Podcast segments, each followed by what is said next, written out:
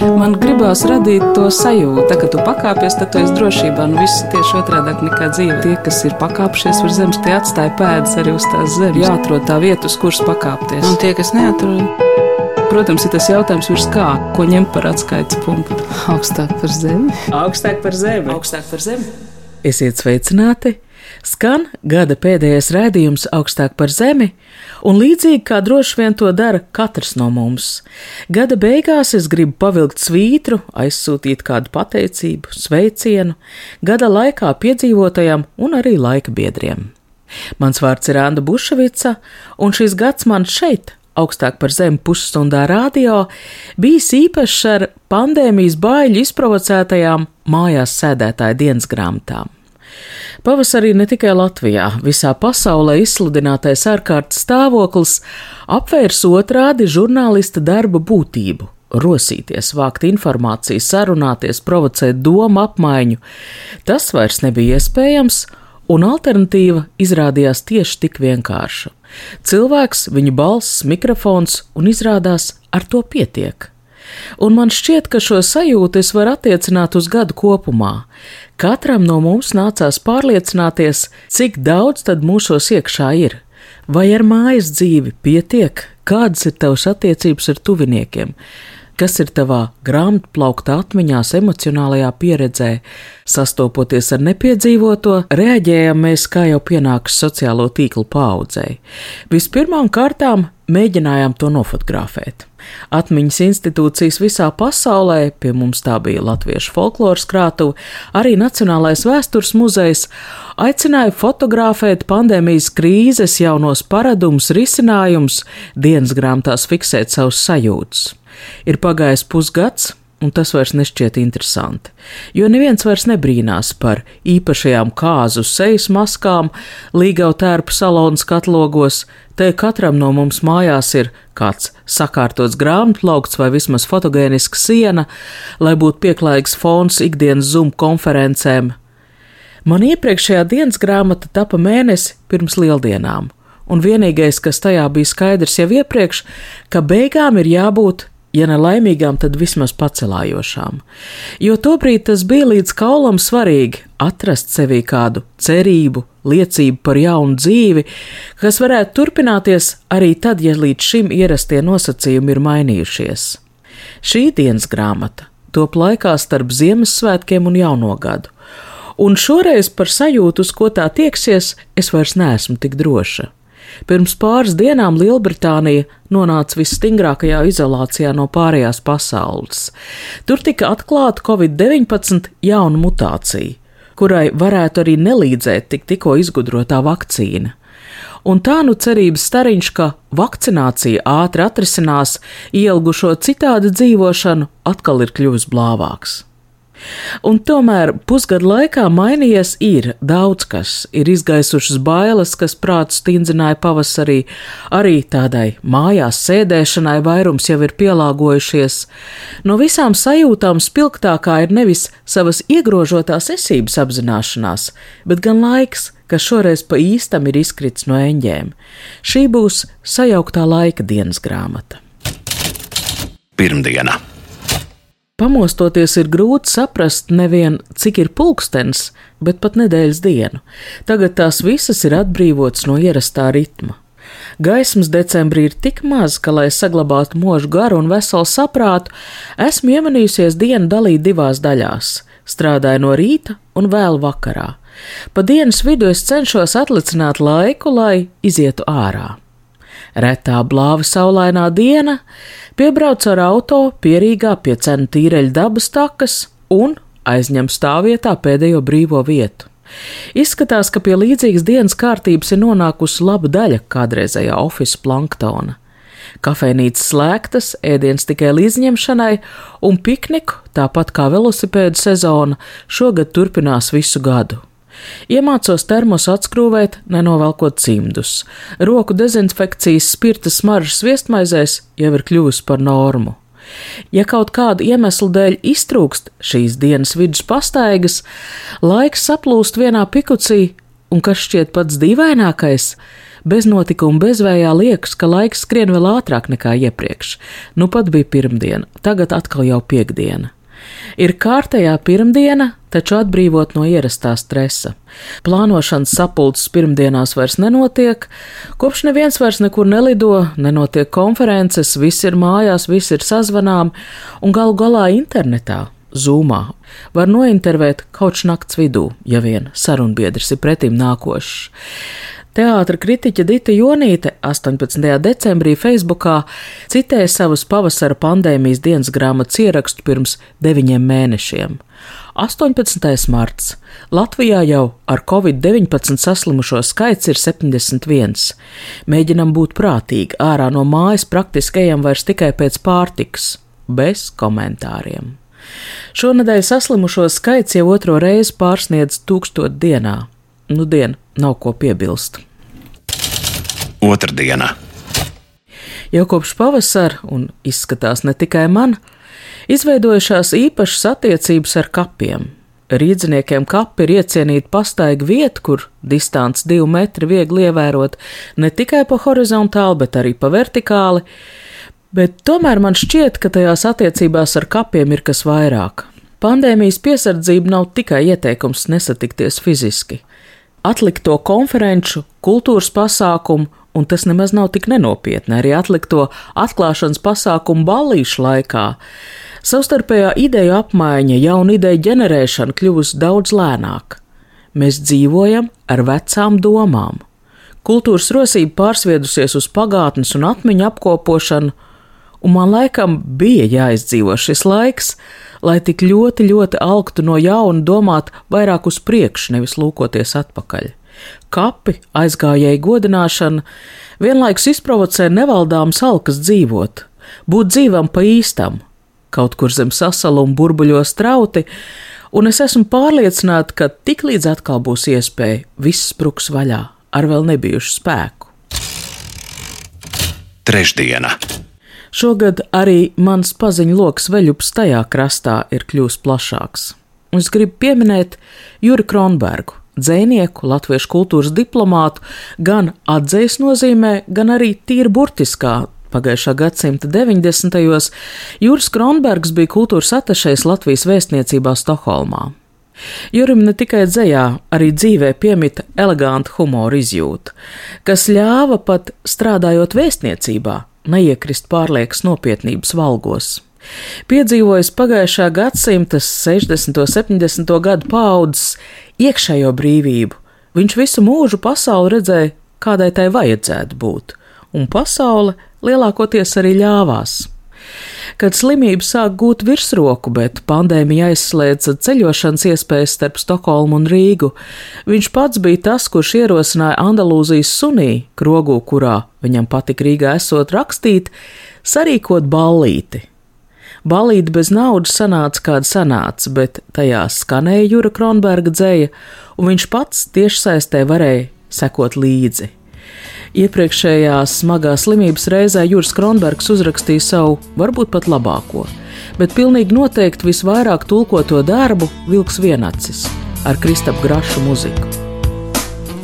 Viņš teica, ej projām, tu vecā zagle, kamēr es vēl spēšu pakustēt, es būšu sprungulis tev kāju priekšā, plosīšu tevi, tavu ēnu un visus tavus BMW braucošos draugus. Bet nāve teica, Nāc, skriesimies!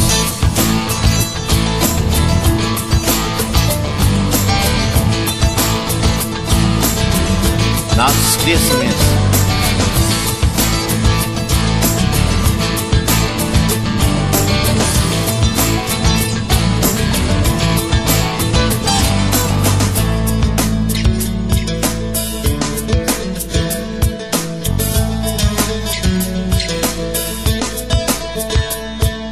Labi, skriesim uz rietiem, viņš teica. Sekosim saules rietam, stāsim tad, kad pēdējais saules stars izduries cauri gaisa miesai.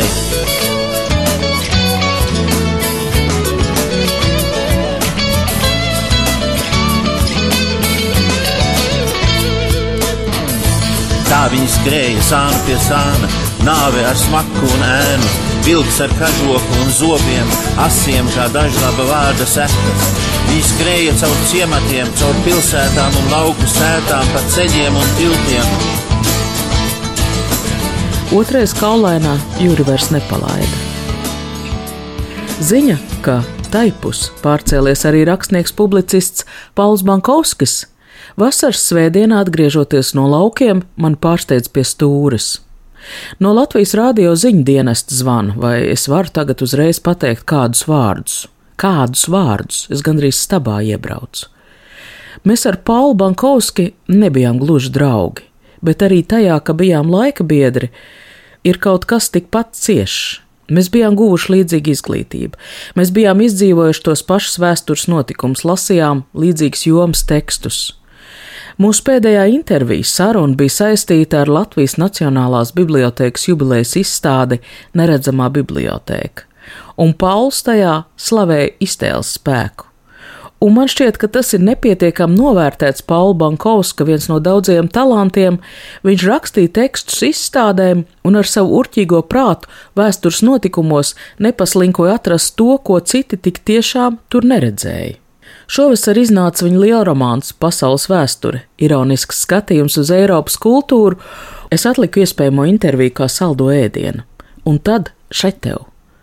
Tas, ko es sajūtu, Protams, bija sēras, bet arī dusmas. Paulu padoties nedrīkst nekad. Paulu Bankovska zināmā mērā es pieskaitu pie pirmajiem covid upuriem.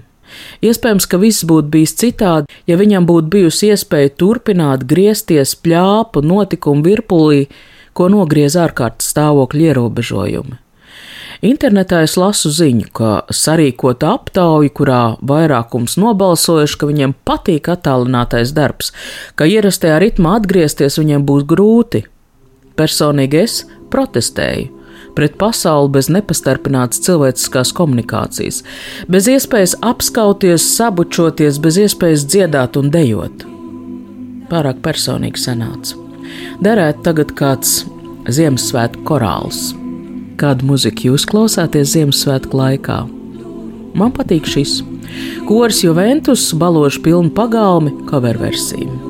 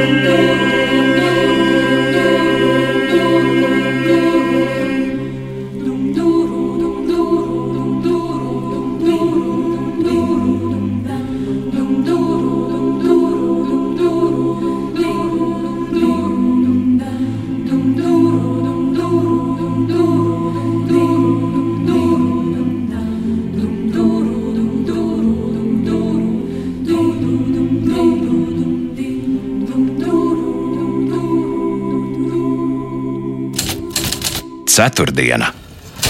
Šogad apdalīto cilvēku pasauli pilnībā līdzsvaro dabas dāsnums. Sēņotāji sēņoja līdz pat mārtiņiem, saldētavu pilna rogām. Ja kāds grib rāt slikto gadu, paraugieties skaitļos, statistikā. Tieši pateicoties lieliskajai graudu ražai, Latvijas preču eksporta vērtība oktobrī pirmo reizi pārsniedza 1,3 miljārdus eiro. Kultūras druva gan nav tik lekna. Vasarā vairums festivālu atcelti, bet, ja notiek, tad abi festivāli vienā augusta nedēļas nogalē - Valmieras vasaras teātru festivāls un alternatīvais kamermuzikas festivāls Sansusī. Izrādās, slāpes pēc dzīvu muzikas izpildījuma man ir pat lielāks nekā pēc teātra, un es izvēlos doties uz aknīsti.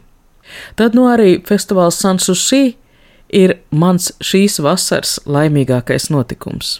Dīvaini, bet atmiņā ir palikusi tikai laimes sajūta un šūpuļtīkla kustīga augšējā mala. Laikam arī pirmo reizi nebija šeit darba uzdevumā, nebija nekādas nepieciešamības iegaumēt, lai vēlāk atkārtot programmas iedalījumu pa dienām, izpildītāju vārdus, tad savērpt kādas frāzes, lai īsi, bet kodolīgi raksturot viņu lieliskumu. Tā bija tīra laimes sajūta, ko spēja dot muzika un arī dabas dūmus.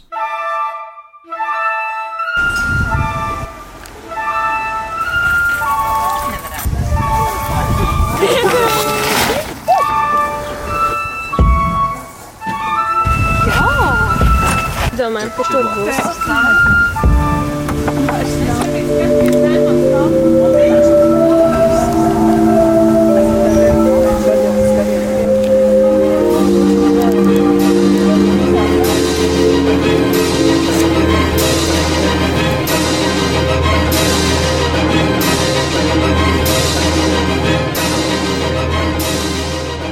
Otrs šīs vasaras prātā paliekošais notikums - savvaļa. Viesošanās izstādē, kas iekārtot savvaļā starp dūķiem un jaundrustiem. Es jau agrāk intervējot mākslinieku Andru Eglīti pēc izstādes iespējamā vieta cēsu izstāžu namā, es biju dzirdējis, ka kaut kur vidzemē viņam ir zemes gabals, kur brīvā dabā, tādā kā brīvdabas darbnīcā, viņš rada savus darbus, reizēm arī visai ekstrēmos apstākļos, ziemā vai vēlā rudenī, Tagad Andris Eglīts šo vietu ir nolēms labi iekārtot. Ģimenē ceļ māju, bet visiem pārējiem pagaidām tā ir brīvdabas izstāžu zāle. Ieja brīva, mājas uzceltajā daļā, veida caurpūsts, vienmēr atvērts informācijas birojas, pa kreisi var uzvārīt tēju, pa labi aizņemties gumijas zābakus, viss tieši tik vienkārši. Pirmais, kas liek justies pacelāti, ir vidzemes ainava kas jūsmā liek braukt drusku lēnāk jau no drustiem. Taču arī Andra Eglīša kūdrā izgrieztie mīlētāji, lēni vējos lietū sadēdot, zem krītošajām lapām izskatās sevišķi neaizsargāti. Un, lai gan es saprotu viensētnieku vēlmu sargāt savu mieru, apceļojot Latviju, privāti īpašuma žoga traucē gan aptvert ainavu, gan reizēm nāks mest lielus kartē neiezīmētus līkumus, Sauvaļa uzrunā tieši ar pretēju domāšanu. Daba ir dāsna, un savvaļā dzīvo cilvēki, kas nestrīdas ne ar dabu, ne laika biedriem. Piektdiena! Kaut kādā ziņā patreizējā situācija kultūrā ir pat taisnīgāka, vienlīdzīgāka. Jo līdz šim man tas ir licies neciešami un netaisni, kā vairums lielo kultūras notikumu koncentrējas galvaspilsētā. Tagad Mēs esam vienlīdzīgi savā neiespējamībā baudīt kultūru klātienē. Toties tiešsaistē lielpilsētas izstādes koncerts var noskatīties, noklausīties ne tikai Latvijā, bet pat visā pasaulē. Kultūras ziņās atkārtojas jauns termins - Covid nauda. Covid nauda tiek pieminēta Latvijas televīzijas filmu ciklā par jaunu latviešu filmu tapšanu, Lasu iepriecinošu ziņu, ka Latvijas Nacionālajam Mākslas muzejam tieši pateicoties Covid naudai radusies iespēja papildināt kolekciju gandrīz pusmiljonu eiro apmērā, un tas ir līdz šim lielākais mākslas darbu iepirkums. Arī daudzi no radošajiem, kas aktīvi darbojušies līdz šim pasaulē, darbiem apstājoties, atgriezušies mājās. Un pēc pandēmijas daudz kas būs atkarīgs gan no sabiedrības solidaritātes pieņemtajiem lēmumiem, gan arī visai tiešā veidā no Latvijas valsts nodokļu politikas. Vai šīs bieži vien izcilās personības atkal dosies peļņā uz ārzemēm, vai paliks un savu talantu ieguldīs Latvijā? Būtiskais jautājums - vai glābties varam pa vienam, vai tomēr ir kāda cerība visiem kopā? Tik raupjus jautājumus intervijā uzdot nedrīkst. Taču tieši tas man bija prātā, aicinot šai raidījumā uz sarunu Aristoteļa valsts lietu tulkotāju Agnes Irbi. Viņai savukārt šobrīd aktuālais šķiet satversmes tiesas vēsturiskais lēmums, kas lēma par tiesībām pretendēt uz bērnu kopšanas atvaļinājumu arī viendzimumu pāriem. Mēs patiešām dzīvojam pasaules vēsturē nebijušā laikmetā. Bērnu tagad var izaudzēt pat kolbā, dzimumu var izvēlēties. Ar zinātni bruņojies cilvēks darbojas dievam līdzīgi, pārbīda dzīvības, nāves robežas, un vienlaikus spēja būt tik primitīvs. Uz zemeslodes joprojām notiek kari. Pie fantastiski pieejamās informācijas daudzuma cilvēki izvēlas visai vienkāršot dzīves uztveri. Vairākuma diktatūra ir demokrātijas spožums un posts, un šai vairākumā ir gan pieminētais zinātnieks, gan arī karu izraisītājs, gan populārās kultūras pielūdzējs. Kā mums visiem iespēt uzturēt kopēju sarunu? Doma par dzīvošanu informācijas burbuļos dzima, skaidrojot sociālo tīklu darbības principus. Šobrīd šo pašu tēlu izmanto infektologi, Un tad jau sanāk, ka pandēmija burbuļus padarījusi nevien ticams, bet arī acīm saskatāms. Un man brīžiem patiešām liekas, ka līdzās dzīvo kaut kādi citplanētieši. Es ciešu no šoka par to, cik daudz negācija, pat atklāts nelietības un agresijas ir tepatās man blakus.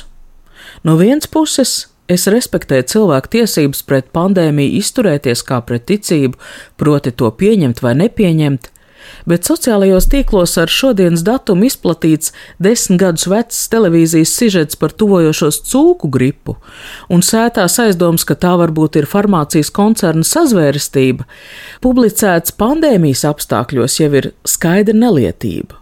Vēl kaut kādi nejaucēni, nozaguši no tildes tulkošanas programmas mūsu mīļās Sandras Glāzubas balsi, vilto it kā rādio ziņu izlaidumu. Es tiešām negribētu būt savas kolēģis vietā, kuras visu cienītā atpazīstamā balss tagad sanāk, ka piešķir ticamību kaut kādām mazprātiņu muļķībām. Demonstrācija Daugamalā, kurā juku jukām savu neapmierinātību pauž gan par alkoholu lietošanu uz ielas policijas sodītie jaunekļi, gan tie, kuru biznesa pandēmijas apstākļos tik tiešām ir sabrūcis un viņi meklē kaut morālu atbalstu gan arī tie, kas tic, ka priecīgi cilvēki neslimo un kailiem ģīmjiem priecīgi iet gan ar dziesmiņu druvā, gan ar valodu lielveikalos. Šo mītiņu ir pieteicis vidas aizsardzības klubs. Ja gribam būt precīzi, tā prezidents Arvīts Ulme, kurš savu alternatīvo programmu valdības politikai tā arī nespēja formulēt kameru priekšā. Vispār jau doma, ka vismaz uz pandēmijas stingrāko ierobežojumu laiku valsts varētu garantēt minimālo ienākumu līmeni pilnīgi visiem iedzīvotājiem bez milzīgas birokrātijas vai kritērijiem, man neliekas nemaz tik glupa. Taču tas, kas notika Daugomalā, Ja atmetam ilūzijas, tad tā bija prasta balsu zvejošana nākamajām vēlēšanām. Iešūpojot un vairojot sabiedrības agresiju, neapmierinātību, un pandēmijas apstākļos arī tā man liekas skaidra nelietība.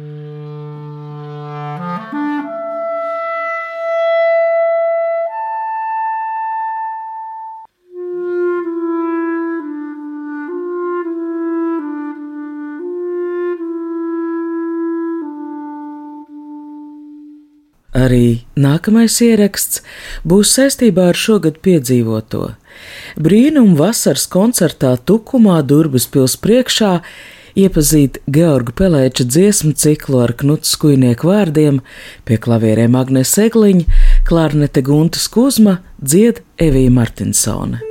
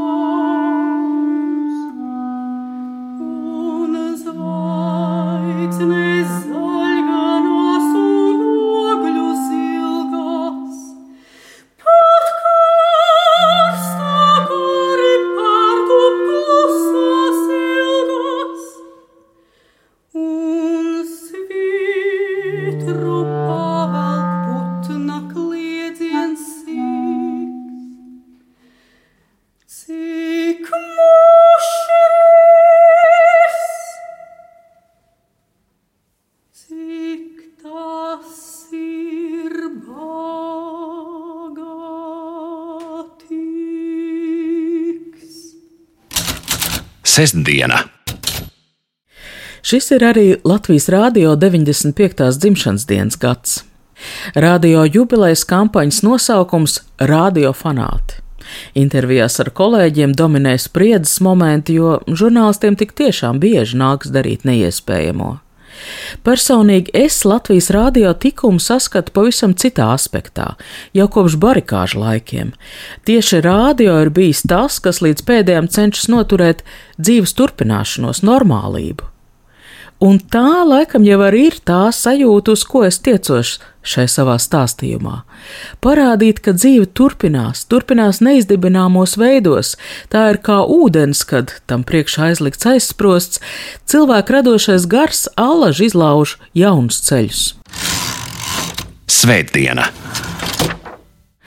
Pelēkajā laikā manā dzīvē prieku stabili ikdienas sagādā vismaz divas lietas.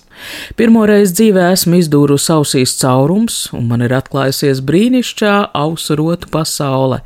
Un vēl es esmu sākusi spēlēt klavierus.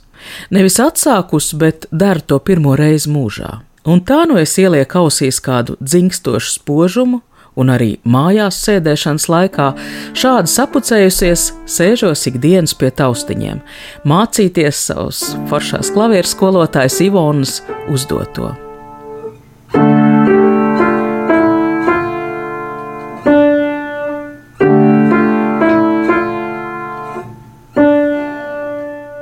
Pirms daudziem gadiem kādā izstādē man uzmanību aizķēra Gunāra Kroļa grafika.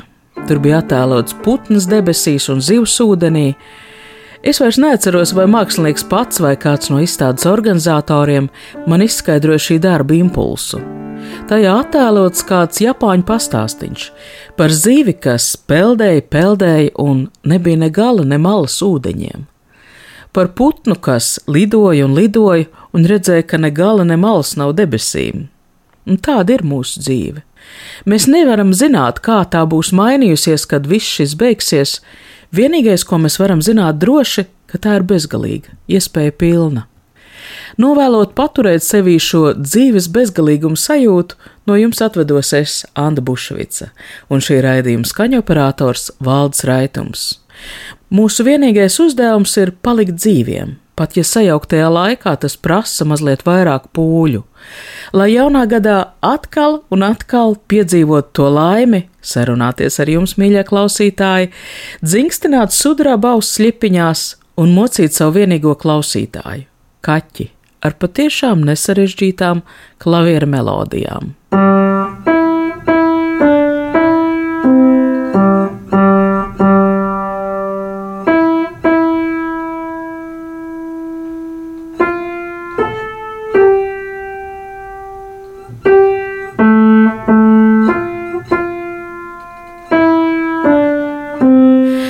Griežamies pretim saulē, laimīgi jums jauno gadu!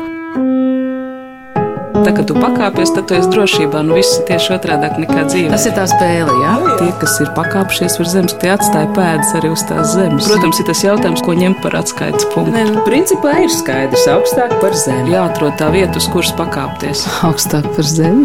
Augstāk par zemi. Augstāk par zemi.